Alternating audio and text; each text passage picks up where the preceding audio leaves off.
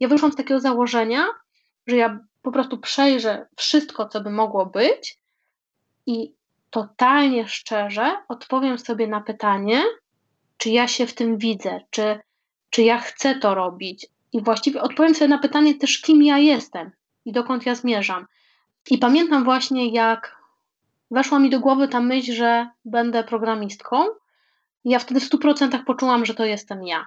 To nie jest coś takiego, że przebiorę się za kogoś innego i chwilę sobie poudaję, że, że będę nauczycielką, tylko ja poczułam, że ja po prostu ubieram się w swoje ciuchy, że, że, że to właśnie totalnie mnie definiuje, tak? że to ja jestem pełną siebie właśnie programista, to jestem ja, zdecydowanie.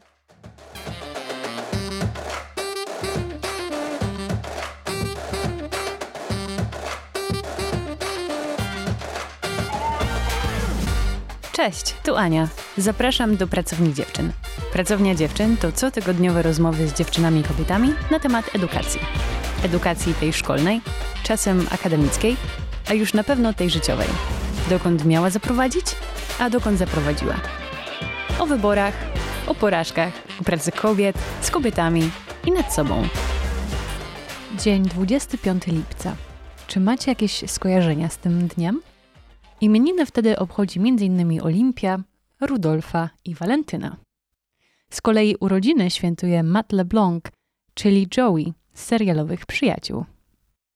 25 lipca 2007 roku na warszawskim Służewcu odbył się koncert grupy The Rolling Stones. Tego samego dnia, 7 lat później, Sejm przyjął ustawę powołującą do życia Polską Agencję Kosmiczną, o której istnieniu zupełnie nie miałam pojęcia. 25 lipca 2017 roku spędziłam w Londynie, pracując i przygotowując się do studiów magisterskich, a bohaterka dzisiejszego odcinka Pracowni Dziewczyn na urlopie macierzyńskim postanowiła, że będzie programistką, a dokładniej front-end deweloperką. Jednak na postanowieniach się nie skończyło. Natalia od razu ruszyła do działania i dwa dni później na jej blogu będeprogramistką.pl wisiał już pierwszy wpis. Wreszcie wiem, co chcę robić. Chcę zostać programistką. Przez ostatnie cztery miesiące zastanawiałam się, co by tu zmienić, którą ścieżką podążyć, i teraz jestem pewna. Jej blog miał być pewnego rodzaju pamiętnikiem, zapisem jej działań w dążeniu do spełnienia marzenia. Chciała dzielić się swoimi zmaganiami i wyzwaniami z innymi, zapraszając czytelników i czytelniczki jej bloga, osoby mniej lub bardziej doświadczone, do dopingowania jej i korzystania z wiedzy na będę programistką. Blog Natalii szybko zyskiwał na popularności i minęły raptem trzy miesiące, kiedy Natalia nawiązała pierwsze współprace reklamowe. Później poszło lawinowo. Wyzwania dla około 2000 osób, bootcamp z Kodilą, wywiady z innymi dziewczynami w IT. Po półtora roku ciężkiej pracy i nauki zrobiła to. Natalia Martowska-Sokołowska, jak powiedziała, będę programistką, tak ją została. Natalia pochodzi z Krosna. Dziś mieszka w Warszawie. Z wykształcenia jest socjolożką i psycholożką. Przez sześć lat pracowała jako menadżerka projektów w agencji marketingowej, ale od nastoletnich lat to komputery są jej pasją. Dzisiaj pracuje już jako front-end support team lead. W pracowni porozmawiamy o drodze Natalii, o drodze zmiany ze studiowania kierunków humanistycznych po zostanie programistką, jak w praktyce wygląda nauka programowania na urlopie macierzyńskim, jak nie tracić zapału i nie poddawać się na samym początku, no i czy Natalia planuje jeszcze inne życiowe rewolucje w najbliższej przyszłości. Natalia Martowska-Sokołowska. Natalio, bardzo miło jest mi powitać Cię w Pracowni Dziewczyn. Mi również jest szalenie miło, po prostu tak mnie pięknie przedstawiłaś, że aż się zaczerwieniłam tutaj. Dziękuję. Powiedz mi od razu, czy Ty planujesz jeszcze jakieś życiowe rewolucje? Czy to było ostatnie słowo Twoje? Będę programistką, czy za chwilę myślisz, że jesteś w stanie wymyślić coś nowego? Na to pytanie nie odpowiem, bo nie wiem. Ale jest duża szansa faktycznie, że jakaś rewolucja może kolejna nastąpić. Póki co w tym miejscu, gdzie jestem, jest mi dobrze i nie planuję niczego zmieniać. Tak jak powiedziałam w intro, chciałam od razu tutaj szybko nawiązać do tego, że Twoją pasją komputery są już od jakiegoś czasu. Twoja pasja nie rozpoczęła się, kiedy Ty, mając około 30 lat, poprawnie postanowiłaś właśnie, że będziesz programistką, prawda? Chyba tak, chyba to było właśnie jak miałam 30 lat, tak mi się wydaje. Czy mogłabyś nam powiedzieć odrobinę, co cię wtedy, jako taką małą dziewczynkę czy, czy nastolatkę, pasjonowało w komputerach? I odrobinę może też o tym, jak wyglądały Twoje początki obcowania w świecie komputerów. Wiesz co, tak naprawdę to się zaczynało mm, dużo wcześniej, bo ja już mam takie pierwsze wspomnienia już jako 6-7-letnia dziewczynka, gdy siedziałam e, obok brata mojego starszego, który jest o 10 lat ode mnie starszy i gapiłam się, przepraszam za taki kolokwializm, ale naprawdę gapiłam się w ten ekran i byłam zahipnotyzowana tym, co tam się dzieje. Patrzyłam, jak on sprawnie manewrował między tymi wszelkimi okienkami, które się tam pojawiały. A ja tylko jak mogłam, to prosiłam go, żeby on mi wytłumaczył, co on robi, właściwie po co to robi i dlaczego to robi, bo mnie to strasznie ciekawiło. I, i właśnie to zaczęło się to wszystko od takiej powiedzmy nauki przechodzenia między tymi okienkami w systemie DOS, żeby później wgłębiać się tak naprawdę no, jako siedmiolatka, więc to nie było jakieś takie bardzo wgłębienie się, ale w gry typu Prince of Persia czy Arkanoid. Ja nie wiem, czy kojarzysz w ogóle te gry, które kiedyś dawno temu były. No ja byłam totalną fanką. No i faktycznie potem już jako nastolatka, jako taka 14-15-letnia dziewczyna, byłam zafascynowana tym, w jaki sposób to wszystko działa, tak? Jak ten internet jest zbudowany, że ja po prostu mogę siąść, nauczyć się czegoś, w tym wypadku załóżmy HTML-a i napisać swoją stronę internetową, którą później widzą ludzie z całego świata dla mnie to było zjawisko totalnie nieziemskie i fantastyczne. A ten brat, e, kiedy ty miałaś 7 lat, ten brat tak z cierpliwością ci wszystko tłumaczył, jak to wygląda i właśnie jak zamykać te okienka i tak dalej? O dziwo tak, o dziwo tak. Maciek był dla mnie bardzo wyrozumiały i nie miał chyba najmniejszego problemu z tym, że zawracałam mu głowę, bo przypuszczam, że gdybym ja była w jego wieku, to by mnie szlak mógł trafiać, że takie małe dziecko coś ode mnie chce przez cały czas i zadaje pytania, ale on faktycznie jak gdyby miał miał taki talent edukacyjny do tego, że z cierpliwością totalnie wszystko mi tłumaczył i mówił po co, jak, dlaczego. Ja rozumiem, że to były w ogóle początki komputerów, czy jakby początki obecności komputerów w domach. Czy u ciebie w domu ten komputer był dla brata, czy on był też mm, dla rodziców? Chcę zapytać, czy to po prostu było takie narzędzie ogólnodostępne i nie było tam na przykład podziału, że ale to jest do nauki na przykład, albo to jest do gry, albo to jest powiedzmy dla starszych chłopców. A nie, nic takiego nie miało miejsca, on po prostu był. Kto chciał, e, mógł z niego korzystać wtedy, kiedy chciał. Tak było z tym pierwszym komputerem, bo później faktycznie, jak ja miałam 7, 7 lat, to on miał 17, więc on potem wyjechał na studia, moja siostra też potem wyjechała, więc ja zostałam sama, więc tak naprawdę miałam monopol na to wszystko, co tam było, więc, więc, więc faktycznie jak chciałam, to korzystałam. Potem pamiętam właśnie, jak już byłam starsza, jak już był ten internet, to zmieniły się trochę role i koło mnie siedziała moja mama. O, i co ona robiła obok ciebie przy tym komputerze? Wiesz co, e, uczyła się wielu rzeczy właśnie, jak korzystać, jak, e, jak zrobić różne rzeczy, jak korzystać z edytorów tekstu na przykład, ale też pamiętam takie wieczory, kiedy już grałam w takie nowoczesne gry, powiedzmy, typu Tomb Raider, gdzie były jakieś ciemności, skorpiony i jaskinie i moja mama siedziała ze mną i przeżywała po prostu tą całą sytuację, która się dzieje w tych grach i emocjonowała się. Uważaj, tutaj idzie potwór, trzeba go zabić. Ale wsparcie fajne od mamy. Super. Przy tej pasji od właśnie najmłodszych lat, jak mówisz, i, budowania stron internetowych, będąc nastolatką, wielkiego takiego zafascynowania e, się tym internetem i komputerem, tym, co można zrobić za pomocą tych narzędzi, ty naprawdę nie chciałaś studiować informatyki na przykład, albo iść na jakąś inżynierię? Wydaje mi się, że ja w tamtym momencie życia, w którym byłam, nie traktowałam też tego jako pasję. Owszem, to było coś dla mnie ciekawego, coś, co ja lubiłam robić, e, jakiś sposób, w jaki sposób lubiłam spędzać czas, chociaż sposób, w jaki sposób to brzmi e, śmiesznie dosyć, ale, ale faktycznie tak to było.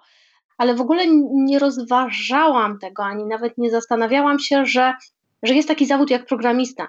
Raczej ja miałam takie skojarzenia, że jak się skończy powiedzmy tą informatykę, to potem jest się taką osobą, która przychodzi do kogoś i naprawia mu komputer, nie? Jest się takim typowym informatykiem. W ogóle jak gdyby zupełnie myślałam o programowaniu jako taką, jako o takiej rzeczy, którą się teraz zajmuję.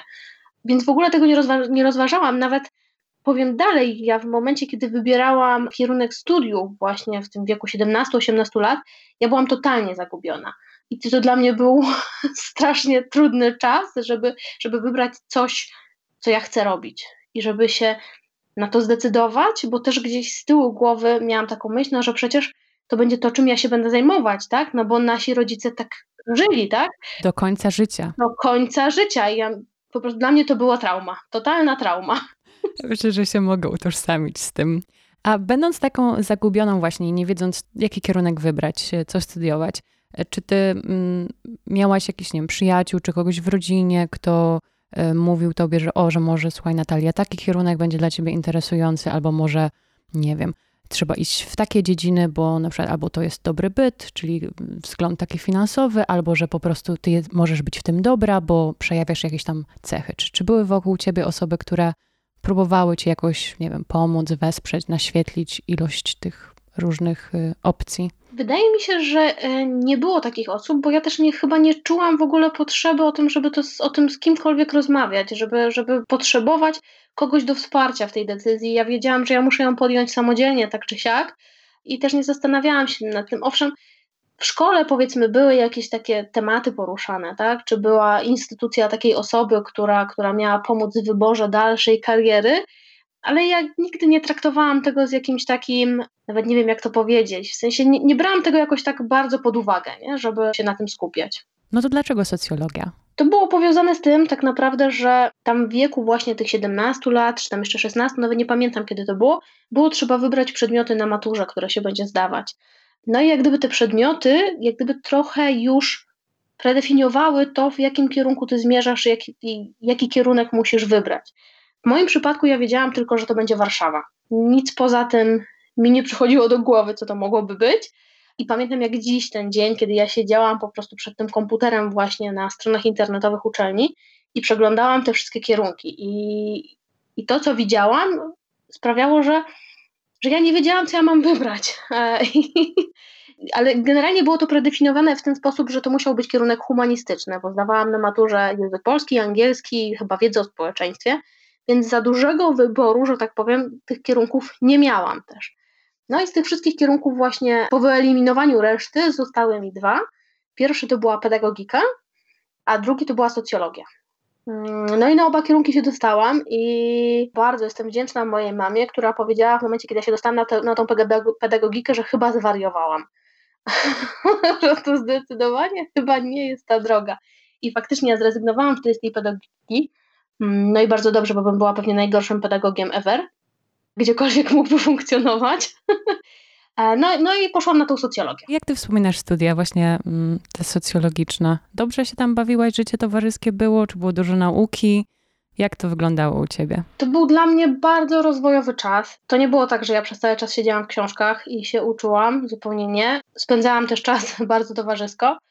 Wyprowadziłam się z mojego rodzinnego miasta Krosna, tak? Gdzie tak naprawdę to jest dosyć małe miasto, gdzie w obrębie jakiegoś tam towarzystwa ludzie się znają, wiedzą i nagle wyprowadziłam się do Warszawy, gdzie był zupełnie inny świat i niewiele osób znałam. Był tutaj mój chłopak ówczesny, e, dlatego też wiedziałam, że to będzie Warszawa, była też moja siostra, ale poza tym no nie znałam nikogo, to były dwie osoby raptem i zamieszkałam w akademiku z naprawdę przeróżnymi osobami, Jedne były totalnie dziwne i nawet dzisiaj nie chciałabym się z nimi spotkać ponownie, a inne były bardzo w porządku. Na przykład z Anką, z moją pierwszą współlokatorką, z którą się spotkałyśmy, spotkałyśmy pierwszego dnia, do dzisiaj utrzymujemy kontakt. Mimo, że jesteśmy totalnie różne, mamy totalnie inne charaktery, często się sprzeczamy, ale jednak wciąż się lubimy. Tak mi się wydaje. Mam nadzieję, że Anka nie powiedziałaby czegoś innego, że się jednak nie lubimy. Raczej się lubimy. No i tak naprawdę to był ten czas, kiedy ja poczułam, że ja jestem dorosła. Wtedy, kiedy ja musiałam decydować o tym, co robię, o tym, co chcę robić, z kim się spotykać, jak spędzać czas, co jeść, co się ubierać. I generalnie podejmując każdą decyzję, musiałam brać na klatę jej konsekwencje. Więc byłam totalnie samodzielna i właściwie nawet do tego akademika wprowadziłam się sa samodzielnie. Spakowałam się w plecak w Krośnie, taki duży turystyczny plecak Campinosa bodajże, zapakowałam wszystkie rzeczy, które potrzebowałam w moim mniemaniu ówcześnie, wsiadłam w autobus i pojechałam. Czy jest w tobie takie pogodzenie właśnie z tym, że wybrałaś socjologię i, i później e, psychologię? E, czy myślisz, że gdybyś miała taką okazję jeszcze raz wybierać kierunki, kierunki studiów, to poszłabyś zupełnie inną drogą? Wydaje mi się, że e, gdybym dzisiaj była wciąż tamtą Natalką, która siedziała przed tym komputerem i wybierała to, co wybierała, zrobiłabym dokładnie to samo. Zupełnie nie, nie żałuję tych studiów, które mam. Zupełnie nie, nie żałuję, że wybrałam taką, a nie inną drogę. Uważam, że to była najlepsza decyzja, którą mogłam podjąć w tamtym momencie i że była też ważną częścią mojego życia. Zupełnie nie traktuję tego jako straconych lat życia. Na tamten moment, gdy byłam tym, kim byłam, były one dla mnie super. Też nie okazały się takie na całe życie, jak to mówiłyśmy. Z perspektywy 16-latki, 17-latki, która mówi, Boże, co ja muszę teraz wybrać za studia, żeby potem tak życie moje wyglądało. Dokładnie tak, ale to by było szaleństwo, gdyby faktycznie tak miało być. Nie wiem, czy już bardziej dziewczyny, czy wszyscy bez względu na płeć. Mam wrażenie, że kiedy przychodzi ten moment wyboru, jest taka wielka presja i to wiele osób jest tak straumatyzowanych i no właśnie chyba szczególnie, kiedy rodzice są z tego samego pokolenia, co podejrzewam moje i, i, i twoje, kiedy widzimy na ich CV, że to często są po prostu jedna praca albo jeden zawód przez lata. To prawda. Dla mnie, dla mnie właśnie wybór jak gdyby takich studiów e, też w tym okresie życia, w którym się wtedy jest, czyli jeśli w jakiejś tam szkole średniej, w liceum, to jest pewne nieporozumienie. W sensie ja nie znam za dużo ludzi, którzy w tym momencie swojego życia wiedzieliby, kim oni są, co oni chcą robić, czym się chcą zajmować. Nie znam praktycznie nikogo, kto by w tym wieku wiedział, że on chce być prawnikiem, na przykład, i że on będzie szedł tą drogą do końca życia. No chyba, że się wywodzi, załóżmy, z jakiejś rodziny prawniczej, gdzie dziadek, wujek, ojciec, matka są prawnikami i on nie wyobraża sobie być kimkolwiek innym, bo tak mu wpajano od najmłodszych lat. Ale być może to się już też trochę zmienia, tak sobie myślę, bo ten czas, kiedy ja faktycznie wybierałam studia, to gdzieś tam z tyłu głowy miałam właśnie to pokolenie naszych rodziców.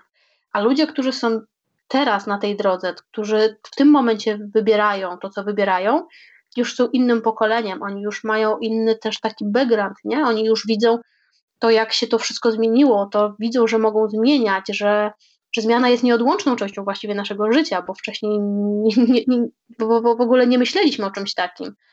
No i to, to, to jest właśnie chyba fajne w tym wszystkim też, że, że nam się wydawało, że to jest niemożliwe, naszym rodzicom to już w ogóle się wydawało, że to jest niemożliwe, a teraz ci ludzie, którzy wkraczają w ten etap są jak gdyby otwarci i, i pełni jak gdyby takiej energii do tego, żeby, żeby spróbować zaryzykować, no bo przecież nic nie stoi na przeszkodzie na tym, żeby to zmienić później. Czego dowiodłaś? Poniekąd. Powiedz mi Natalio, czy, czy wiedza z twoich studiów, czy te nauki humanistyczne poznanie kontekstu socjologicznego, psychologicznego, taka nauka przydaje ci się dzisiaj w życiu, czy na przykład właśnie w zawodzie, czy też poza, poza e, kontekstem zawodowym w życiu prywatnym? Na pewno teraz mi się to przydaje w kontekście zawodowym, bo pracuję jako team leader, więc jak gdyby w moich obowiązkach i, i w tym, co ja chcę robić, jest też dbanie o tych ludzi, którymi się opiekuję codziennej pracy staram się dbać jak najlepiej potrafię o dobrą komunikację, o wypracowanie lojalności, o wypracowanie zaufania w zespole, o rozwiązywanie konfliktów i problemów. I tym ludziom, z którymi pracuję, staram się też jak najbardziej pomóc rozwinąć nie tylko umiejętności techniczne, ale też te aspekty miękkie, które, no nie oszukujmy są, się, są też bardzo ważne w IT, e, mimo że czasami jest to inaczej postrzegane. I dzięki tym studiom i tej wiedzy, które, którą mam, wiem też, jak ludzie się zachowują, wiem skąd się bierze motywacja, jak ją można wzmacniać, jak należy reagować w trudnych momentach.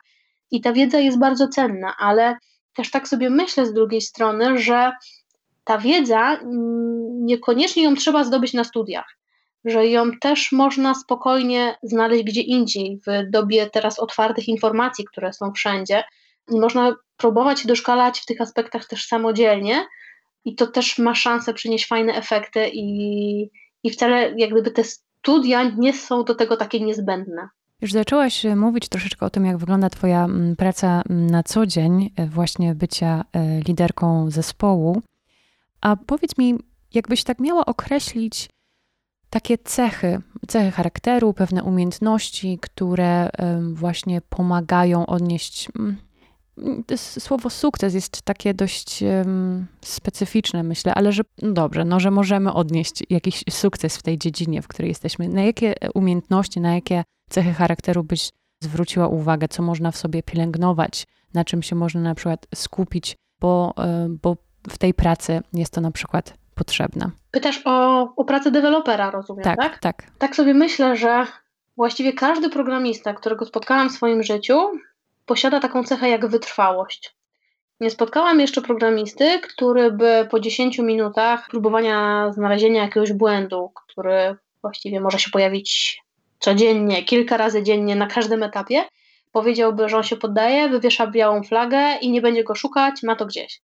Więc wytrwałość to jest na pewno taka cecha, która jest niezbędna i pojawia się zawsze. Kolejna chyba taka cecha to może być analityczny umysł i umiejętność rozkładania takich dużych procesów czy dużych zadań na mniejsze części, na mniejsze elementy, które są ze sobą jednak powiązane i w jakiś sposób tworzą całość. Inną z kolei cechą jest też samodzielność, ponieważ jeśli w zespole mielibyśmy pracować z jakąś osobą, która o wszystko pyta non-stop i zupełnie nie próbuje samodzielnie dojść do rozwiązania, nie szuka, nie szuka informacji, jak sobie z tym pomóc, to to by była udręka. E, więc programiści są też samodzielni, faktycznie komunikują się ze sobą i pytają o radę e, i próbują dojść razem do jakiegoś wniosku, ale w momencie, kiedy już sprawdzili samodzielnie wszystkie możliwe inne znane metody, a nie od razu. Inną cechą, która przychodzi mi do głowy, to jest dokładność, bo pisząc kod, łatwo jest o błąd, łatwo jest o pomyłkę, łatwo jest dać przecinek jakiś, jakiś średnik, myślnik, kropkę, cokolwiek, coś, co wpłynie na to, że ten kod przestanie działać i będzie powodować błędy. Więc jeśli nawet się go zrobi, to trzeba szybko go zauważyć. To jest dokładność i uważność jednocześnie, żeby wychwycić to, co się dzieje. I może na koniec też takie miękkie bardzo umiejętności jak komunikatywność, umiejętność pracy w zespole i umiejętność przyjmowania chyba krytyki i nie brania jej do siebie, bo programiści właściwie codziennie robią sobie tak zwane code review, czyli sprawdzają swój błąd, poniekąd wytykając sobie, co by w nim zmienili, albo co nie jest tak, jak powinno być, albo co można by było zrobić lepiej, bardziej sprytnie. I ważne jest, żeby w takiej sytuacji też nie brać tej krytyki do siebie i nie traktować jej jako, że to ja popełniłam błąd, tylko traktować to w ramach takiego wyzwania, lekcji i nauki, że właśnie można zrobić coś sprytniej i ktoś mówi ci to w dobrej wierze, a nie dlatego, że chce ci sprawić przykrość. Chciałabym Cię zapytać o rozwój osoby, która pracuje w branży IT. Dla mnie jest to dziedzina, no nie powiem, że zagadkowa, ale po prostu obca. I, I jestem taką laiczką, jeżeli chodzi o to, podejrzewam, jak wygląda ta praca od wewnątrz. Dla mnie branża IT, nowe technologie to jest po prostu szalony rozwój i nowości, nowa technologia, nowa aplikacja i tak dalej. Jak z perspektywy osoby pracującej w IT, czy to ważne jest na przykład, żeby się specjalizować w czymś, czy właśnie ta branża wymusza ciągły rozwój i bycie takim jack of all trades w pewnym sensie i radzenia sobie w różnych sytuacjach przez to właśnie, że próbujemy nowych rzeczy i mamy takie doświadczenie w różnych, z różnych kontekstów, z różnymi jakimiś takimi e, wyzwaniami. Jak to, jak to wygląda? Zadałeś bardzo trudne pytanie, bo faktycznie masz pełną rację, że branża IT gna bardzo do przodu i bardzo szybko się rozwija. E, co chwilę wychodzą jakieś nowe biblioteki, frameworki, jakieś nowe możliwości e, użycia danego języka czy technologii. Jeśli faktycznie chcesz nie pozostać w tyle i za tym nadążać, musisz iść do przodu, musisz się tego uczyć, musisz za tym podążać. Tylko takie też mam wrażenie, że często jest tak, że deweloperzy nie traktują tego w kategorii kary, czy też postrzegania, że ja muszę. To jest być może kolejna cecha właśnie wyróżniająca deweloperów, czyli ciekawość. Oni są ciekawi tego, oni chcą to spróbować, chcą sprawdzić, jak to działa, chcą się nauczyć tego rozwiązania, żeby sprawdzić, czy to będzie fajnie funkcjonować. I tak sobie myślę, bo pytasz właśnie, czy specjalizacja w jednej dziedzinie jest ważna. I myślę sobie, że w jakimś stopniu na pewno, bo mówiąc wprost i zupełnie szczerze, nie ma szans, aby ktokolwiek mógł zostać mistrzem w tak wielu aspektach i w tak szerokiej dziedzinie. Ale jak gdyby są dwie drogi, tak? Jedna droga mówi o tym, że możesz być wyspecjalizowany w jakimś dziedzinie, właśnie być mistrzem, a druga, że możesz jak gdyby nauczyć się wielu małych elementów tylko częściowo, żeby wiedzieć, jak się składa całość i być na przykład tak zwanym full stack developerem, czyli być i backendowcem i frontendowcem jednocześnie. Dobrze, zostawmy na chwilę wielką e, branżę IT i chciałabym wrócić do Twojego domu rodzinnego i do tego, jak e, podchodzono w tym domu, czy Twoi rodzice podchodzili do edukacji. Czy oni Tobie mówili, że to jest ważne, żeby się uczyć, albo że to jest ciekawe, albo że to będzie miało wpływ na nie wiem, twoją przyszłość, twój zawód, zarobek i tak dalej. Czy pamiętasz jakieś takie rozmowy o edukacji albo jakieś powiedzenia twoich rodziców, że ucz się, ucz? Wiesz co, na pewno takie rozmowy się odbywały. E, na pewno, na pewno się pojawiały ucz się, ucz, bo nauka to potęgi klucz, a jak będziesz miał dużo kluczy, to zostaniesz woźnym, wiadomo. Ale też ja wyszłam z takim poczuciem, no może nie z poczuciem, ale z taką, z taką pewnością, że u mnie w domu traktow- w sensie posiadanie magistra było traktowane jako coś ważnego i jako coś też poniekąd oczywistego. Wydaje mi się, że nikt z nas, w sensie ze mnie, mój brat czy moja siostra, e, nawet się nie zastanawialiśmy, nie braliśmy pod uwagę, że ktoś z nas magistra może nie mieć. Ja w swoim przypadku w ogóle nie rozważałam tego, że po liceum mogę nie iść na studia. Więc w jaki sposób wydaje mi się, że zostało to wpojone. Może nie jakoś bezpośrednio, że ja, że ja czułam, ale w jakiś sposób mnie ci rodzice faktycznie musieli ukształtować, że, że w ogóle w mojej głowie nie pojawiło się, że ja w takim razie skończyłam liceum, to, to teraz będę robić coś, zacznę podróżować na przykład, czy, czy zacznę poznawać siebie, czy, czy pójdę do pracy. Nie, ja wiedziałam, że jak ja skończę liceum, ja idę na studia. Nie wiedziałam ja, jakie jeszcze, ale wiedziałam, że idę. A czy to podejście e, twoje, teraz e, zostamy rodziców, ale czy twoje podejście do, do edukacji z czasem, e, czy z twoim doświadczeniem się zmieniło? Też na przykład, no, prywatnie jesteś mamą, czy na przykład inaczej dzisiaj podchodzisz do edukacji swoich dzieci? Myślę, że zdecydowanie. Ja jestem w sumie dość sceptyczna, jeśli chodzi o taką tradycyjną edukację, taką, jaką ja miałam w szkole, bo uczyłam się tej znienawidzonej przeze mnie geografii i chemii. Uczyłam się, uczyłam się po to, żeby mieć jakąś tam ocenę. Ja nie mówię o piątkach, ja mówię o tym, żeby mieć truje chociażby, tak? I teraz z perspektywy czasu ja wiem, że uczenie się tego dla tej oceny to jest jakieś nieporozumienie, totalne nieporozumienie. Po co się uczyć czegoś, żeby zdobyć ocenę? Więc to jest to i tak sobie myślę w ogóle, czy dzisiaj, jako dorosła osoba, czy wiedza o tym, czy wiatr, który wieje mi w twarz, jest pasatem, czy jakimś innym wiatrem, czy, czy znać wzór na wodór jest mi do czegokolwiek potrzebne. W sensie, ja zgadzam się z tym, że dzieci powinny mieć jak najszerszą wiedzę, uczyć się jak najwięcej rzeczy po to, żeby dowiedzieć się jak najwięcej o sobie, o swoich zainteresowaniach, ale uczenie się takie dla ocen jest bez sensu. Dzieci powinny się uczyć dlatego, że sprawia im to radość, że są ciekawe i chcą po prostu to wiedzieć. I to też taka ciekawa w sumie anegdota, być może, bo moja córka w tym roku rozpoczęła naukę w pierwszej klasie. I ja nie wiem skąd jej się to wzięło, ale ona bardzo się obawiała, że dostanie jedynkę.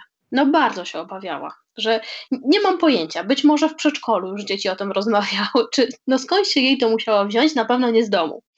W każdym razie z całych sił starałam się jej wytłumaczyć, że nawet jak dostanie tą jedynkę, to świat się nie zawali, nikt nie będzie na nią zły, a wręcz bym powiedziała, że wszystko będzie ok, bo to, że ona dostanie tą jedynkę, to będzie świadczyć o tym, że dostała ją dlatego, bo nie chciała się uczyć tej danej rzeczy w tym danym momencie, bo ją teraz, tu i teraz nie interesowało, albo miała coś ciekawszego do roboty. I to wcale nie będzie świadczyć o niej, o jej ogólnym poziomie wiedzy, tylko o jej zainteresowaniach, albo wręcz braku tych zainteresowań w tym danym momencie, w tej konkretnej dziedzinie. I jak dla mnie ona może mieć te jedynki, byleby tylko miała coś innego, co będzie ją interesować, coś, co będzie, w czym będzie się rozwijać, coś, co daje jej naprawdę dużą satysfakcję i pasję, No ale na szczęście ona, to się nie muszę martwić, bo ona jest bardzo ciekawa świata i chłonie wiele informacji, które, które ją interesują i to jest dla mnie najważniejsze w tym wszystkim. A ty jako osoba pracująca, jako Natalia oczywiście przede wszystkim, jako mama, dla ciebie to jest ważne, żeby nadal się uczyć. Nie mówię tutaj o formalnej, niekoniecznie o jakichś wiem, kursach, warsztatach i, i tak dalej, o takiej formalnej nauce, ale o tym, żeby poznawać nowe rzeczy. Czy jest w tobie jakaś taka ciekawość, e, którą mm, chcesz zaspokajać? Ja niestety cierpię na taką przypadłość nieznośną e, dla mnie, otoczenia mojego męża, która jest określona w teście Galupa jako e, maksymalista. I zawsze, jeśli coś mnie zainteresuje, to ja muszę wiedzieć wszystko na ten temat. I to się sprowadza nawet do tego, że w momencie, kiedy ja wybieram pralkę, ja muszę poznać wszystkie modele pralek, które co robią, jak robią, dlaczego robią i która jest najlepsza wybrać. Więc ja jestem bardzo ciekawa, uczę się wielu rzeczy, e, dlatego że one mnie ciekawią, że ja chcę po prostu wiedzieć. Więc ja jako Natalia, faktycznie mama programistka, codziennie uczę się czegoś nowego, tak, tak mi się wydaje. To jaką pralkę powinniśmy wybrać? Która jest najlep najlepsza na rynku dzisiaj? Tera tego teraz nie wiem, ale jak wybierałam rok temu, to wiedziałam. Okej. Okay. A było coś ostatnio, coś co tak właśnie do, do po prostu do utraty tchu e, wyszukiwałaś, o czym się uczyłaś i chciałaś wszystko poznać, bo właśnie albo cię to interesowało, albo chciałaś podjąć jakąś decyzję z tym związaną? Czy coś ostatnio takiego było? Było, tylko nie mogę sobie przypomnieć dokładnie co. Na, na pewno w przedszkolu u mojego syna było takie zwierzątko, e, które ja pierwszy raz widziałam na oczy. Nie pamiętam, jak ono się nazywało, a nie chcę teraz skłamać. Generalnie było to takie zwierzątko, które żyje w jeziorze w Meksyku i jest wiecznie, jak gdyby przyjmuje postać kijanki. Więc faktycznie nie miałam o tym pojęcia i już teraz wiem trochę więcej. ale szczerze powiedziawszy, czy ta wiedza jest mi do czegoś potrzebna, nie wiem. No ale czujesz się zaspokojona taką wiedzą, prawda? W tym tak, momencie, nie? Tak, mhm, zdecydowanie. To wystarczy, myślę. Porozmawiajmy przez chwilę o Twoim urlopie macierzyńskim. Zaczęłyśmy właśnie o dzieciach, o tej edukacji i, i o perypetiach w szkole i w przedszkolu. I o tym szukaniu pomysłu na siebie, kiedy siedziałaś w domu i opiekowałaś się małym potomstwem z tego co ja dobrze rozumiem, nie chciałaś pracować w agencji e, marketingowej już więcej i, i brakowało ci czegoś e, w tej pracy. Co, co, to było? Czy to było wyzwania, czego ci brakowało, pewnego rodzaju takiego, nie wiem, odświeżenia, takiego czegoś, co byśmy nazwali po angielsku fresh start?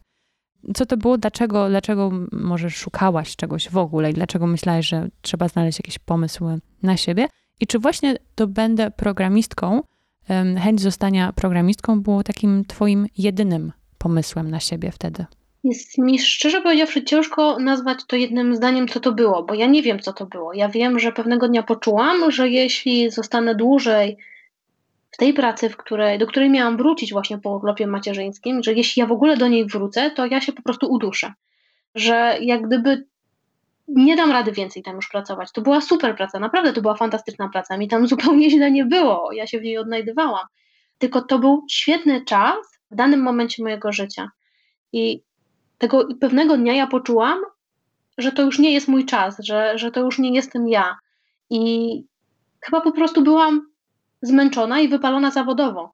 A chyba po prostu tak to można nazwać, że pojawiło się wypalenie zawodowe. Być może to się wzięło stąd, że ja dopiero właściwie od niedawna uczę się nie przeciążać e, i uczę się jak gdyby żyć i pracować w takim bardziej balansie praca, rodzina, własna rozrywka, nawet jeśli jest to gro na telefonie. Ale jeszcze niedawno e, ja byłam przekonana, że żeby osiągnąć sukces, ja muszę cisnąć, ja muszę non-stop cisnąć i nie mogę sobie pozwolić na chwilę słabości, e, co można rozumieć przez chwilę słabości, na przykład wyjście do restauracji, zagrania w grę, obejrzenia serialu, to była dla mnie słabość. I, I dzisiaj wiem, że właśnie, w sensie wiem, kiedy ja mogę przycisnąć faktycznie, ale wiem też, kiedy ja muszę odpocząć i zwolnić. No i właśnie tak pamiętam, że jak ja tak siedziałam i się zastanawiałam, to masa różnych pomysłów przychodziła mi do głowy. To, to, to, to nie była tylko kwestia właśnie, że zostanę programistką. Tylko szczerze powiedziawszy, ja nawet teraz już nie pamiętam, jakie to były pomysły. Pewnie było ich bardzo dużo absurdalnych też, e, bo ja wyszłam z takiego założenia, że ja po prostu przejrzę wszystko, co by mogło być i totalnie szczerze odpowiem sobie na pytanie, czy ja się w tym widzę, czy, czy ja chcę to robić. I właściwie odpowiem sobie na pytanie też, kim ja jestem. i dokąd ja zmierzam.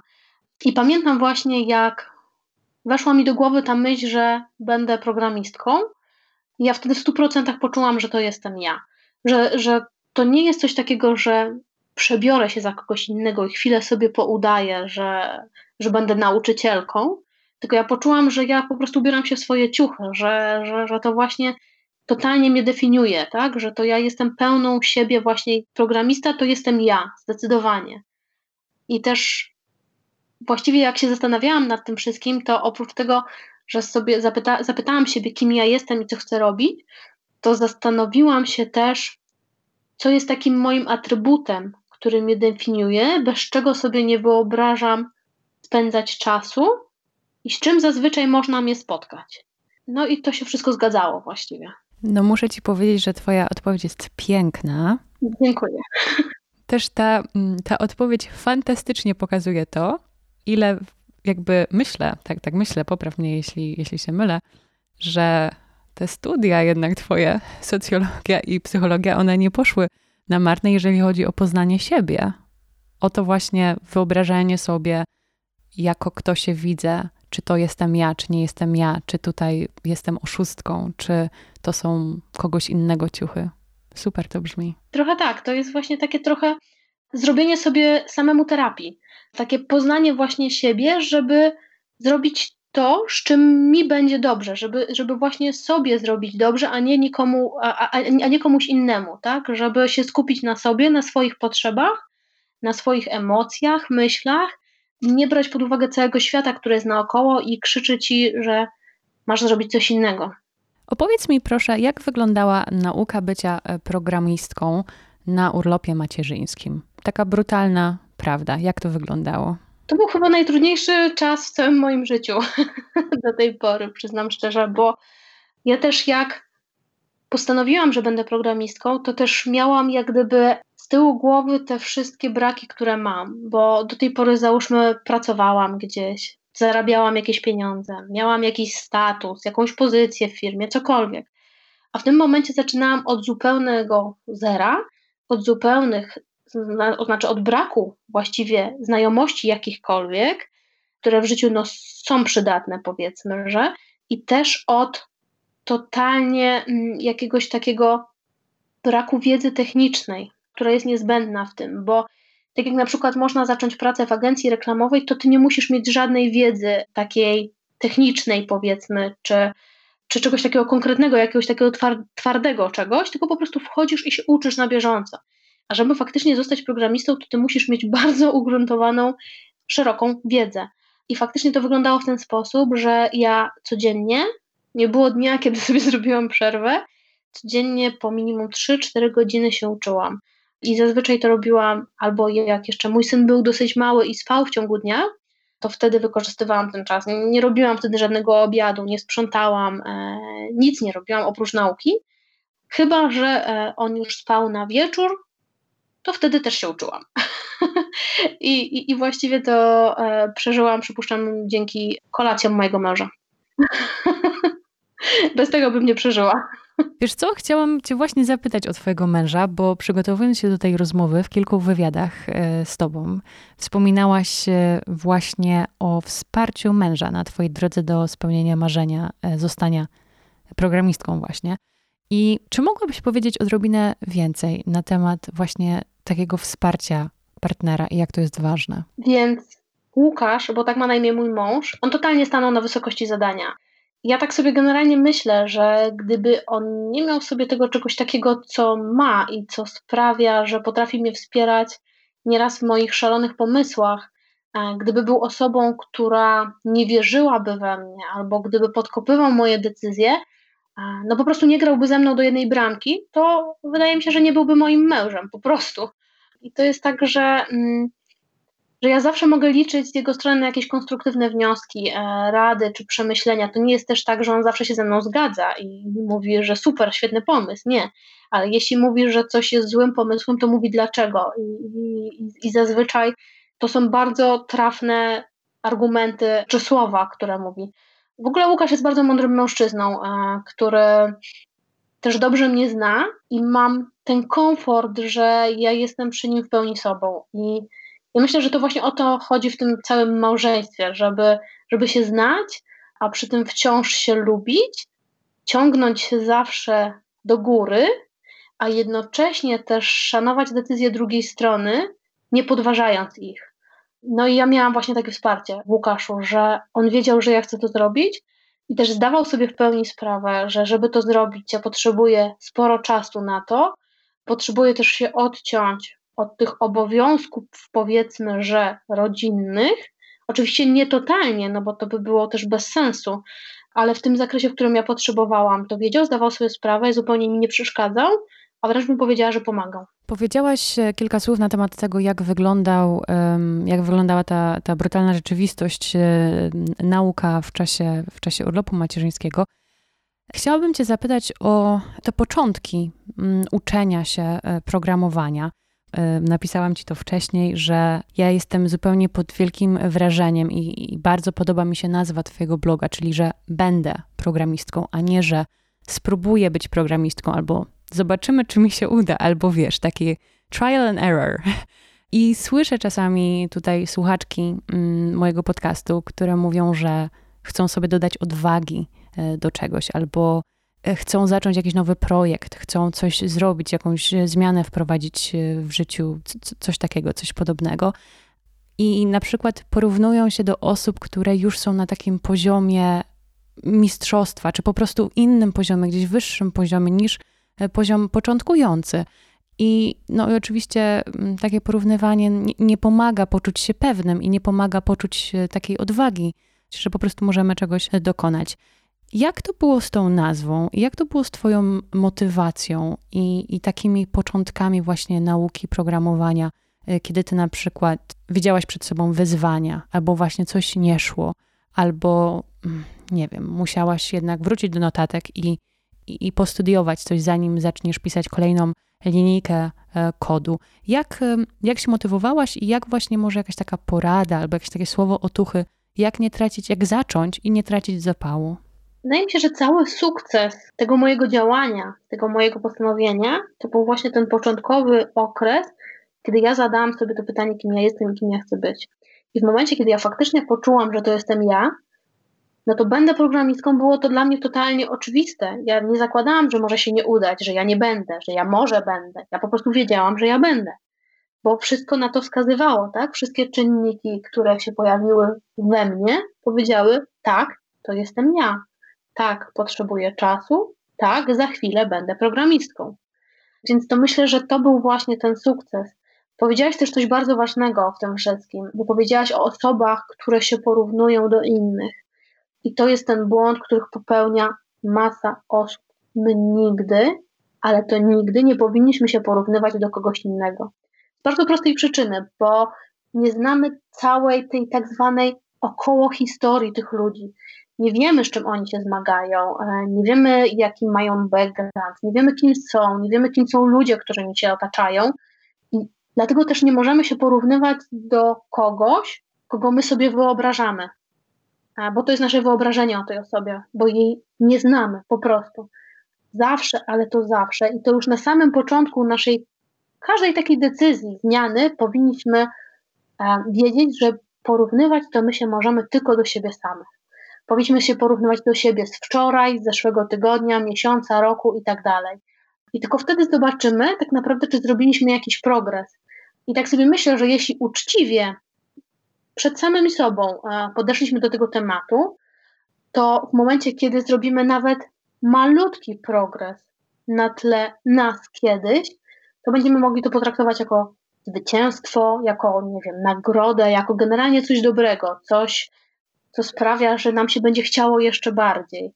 A w momencie, kiedy widzimy, że nie idziemy do przodu, że że coś nas blokuje, to powinniśmy się zastanowić, co to jest takiego, co nas blokuje, dlaczego, dlaczego nie posuwamy się naprzód, bo być może coś sprawia, że nam się nie chce, tylko pytanie, co to jest. I, i może to jest ta odpowiedź, że może my wcale wewnętrznie nie chcemy tej zmiany, tylko spróbowaliśmy dlatego, bo Kaśka z innego działu spróbowała, jej się udało, a może my tak naprawdę chcemy coś zupełnie innego i powinniśmy się zastanowić właśnie, co jest nie tak, co jest nie w porządku z naszą motywacją i, i być może podjęliśmy nie taką decyzję, ale klucz tego wszystkiego, co, o czym teraz mówię, to jest to, żeby być szczerym ze sobą samym. Natalio, chciałam Cię zapytać o to, co dzieje się w czasie pandemii teraz, w czasie koronawirusa, czyli to, że mm, niektóre osoby tracą pracę, muszą się przebranżawiać i, i myślą na przykład, że to jest dobry moment, żeby nauczyć się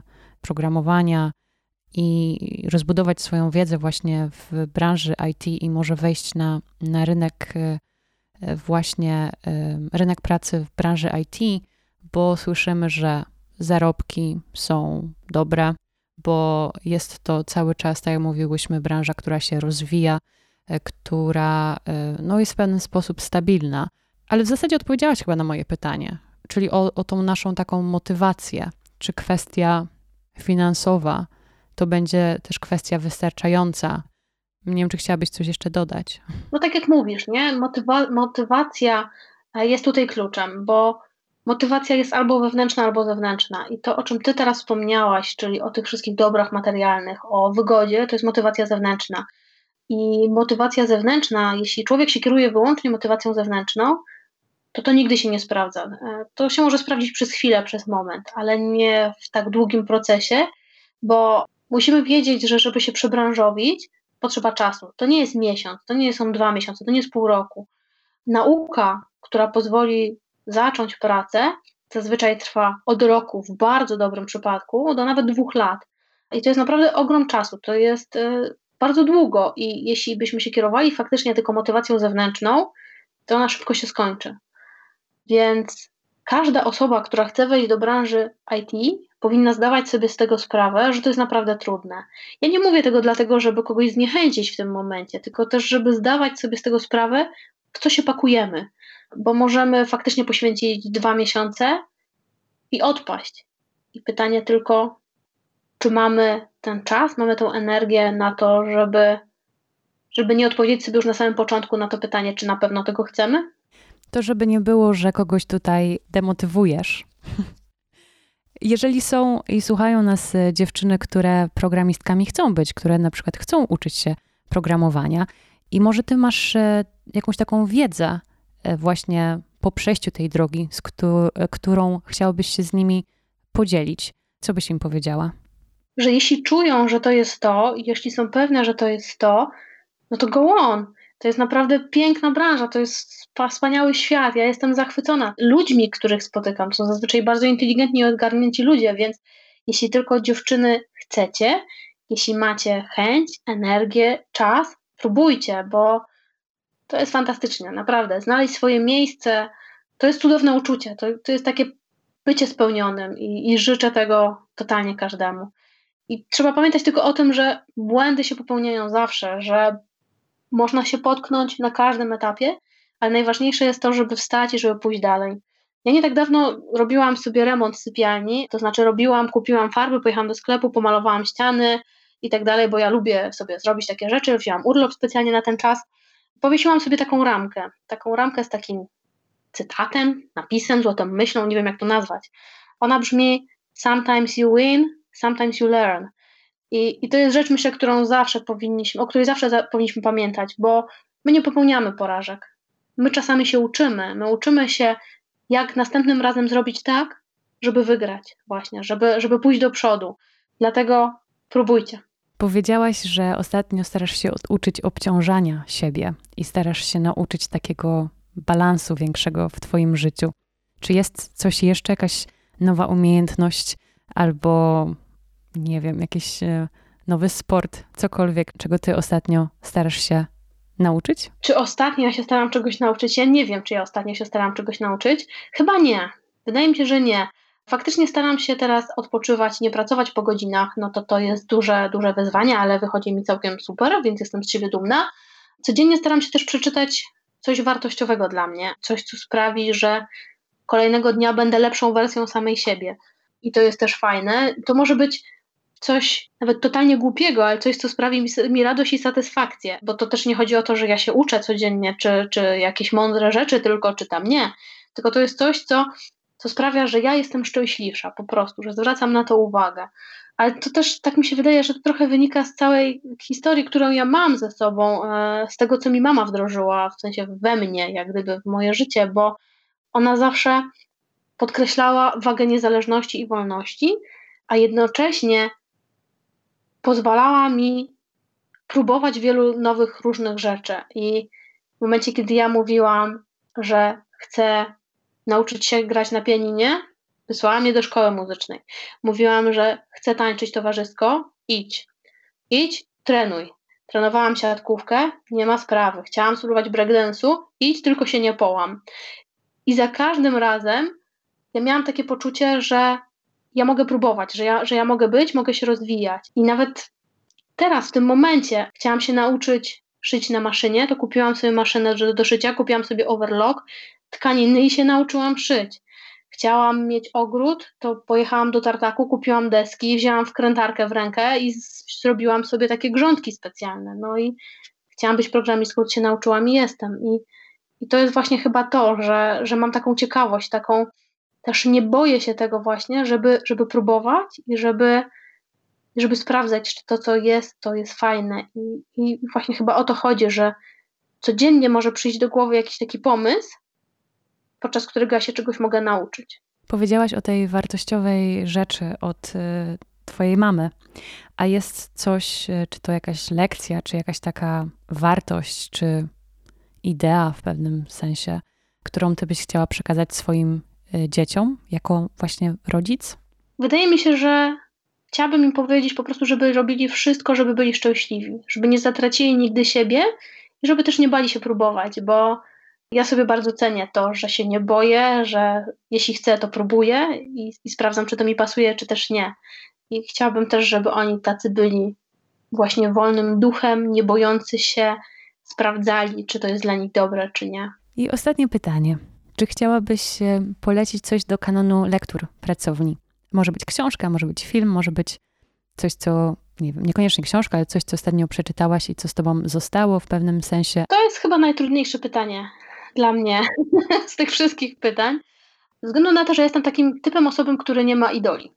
I wiele postaci uważam, że może wnieść coś super wartościowego, że może zmienić nasze życie, może zmienić e, postrzeganie nasze, ale też uważam, że nikt nie jest taki nieskazitelny, czy żeby, żeby też ślepo za nim podążać. I, I to, co ja bym chciała przekazać właśnie innym, to niekoniecznie jest to książka, czy film, czy sztuka, czy cokolwiek innego, tylko właśnie to, żeby każdy szedł do tego, za czym go ciągnie, żeby próbował właśnie, żeby się nie bał, żeby nigdy nie podchodził też do czegoś z absolutnym nie, bo to, co początkowo może nas nie interesować, może nas zaskoczyć i stać się dla nas inspirujące i fascynujące. E, dajmy zawsze szansę jakiejś książce, muzyce, czy nawet jakiemuś serialowi. Przecież nie musimy się z tym łączyć tak naprawdę na całe życie, a może to właśnie on przewróci nasz świat do góry nogami w sensie mojego świata jeszcze nic tak nie przewróciło, żebym chciała coś konkretnie polecać, ale kto wie, może w końcu na coś takiego trafię. A ty, jak już tak e, podchodzisz do każdej rzeczy z taką otwartością, czy to do książki, czy do filmu, nie wiesz, czy ci się spodoba, ale właśnie jesteś otwarta i dlaczego nie, e, z taką postawą, to kiedy tracisz zainteresowanie, to ty się zmuszasz, żeby skończyć taką książkę, czy ją zostawiasz? Bo wydaje mi się, że, że są jakieś takie dwie szkoły czy niektórzy mówią, szkoda czasu, trzeba znaleźć coś innego, co mnie interesuje, czy właśnie nie, bo chcę skończyć. Jak to jest z tobą? Jeśli to jest taka pewna moja decyzja, że nie, no to zostawiam. Jeśli jeszcze nie jestem pewna, to daję jeszcze jedną szansę. Jeśli wtedy jestem już pewna, że nie, no to nie. To kończymy ze sobą. To my też skończmy tę rozmowę. Natalio, serdecznie Ci dziękuję za taką piękną rozmowę, e, gdzie było bardzo dużo w zasadzie o o tobie, o uczuciach, o motywacji, o poznawaniu siebie samego i o otwartości, ciekawości, e, abyśmy mogli próbować i próbować i upadać, chociaż tak jak powiedziałaś, uczyć się po prostu, nie, po, nie ponosić porażek, ale uczyć się o sobie, o procesie. Dziękuję Ci serdecznie. Ja Ci również bardzo dziękuję. To była fantastyczna rozmowa, fantastyczne pytania. Dzięki. Działania Natalii można śledzić na jej facebookowym i instagramowym profilu Będę podkreślnik programistką bez polskich znaków, a kto rozpoczyna swoją drogę z programowaniem może zajrzeć na bloga Natalii znajdującego się pod adresem będeprogramistką.pl. Dziękuję Ci za wysłuchanie mojej rozmowy z Natalią i za wsparcie pracowni dziewczyn. Jeśli czujesz, że warto podzielić się tą rozmową z innymi, podaj ją dalej, proszę, niech się, niech się niesie. Poza tym e, pracownia dziewczyn jest na Instagramie, pracownia dziewczyn pod. Pracownia ma też swoją pocztę mailową, e, na którą zawsze można napisać. Podaję jej adres pracownia dziewczyn podcast małpa gmail.com podcast przez C. No cóż, na dziś to już wszystko. Trzymaj się ciepło i do usłyszenia w kolejny czwartek. Cześć!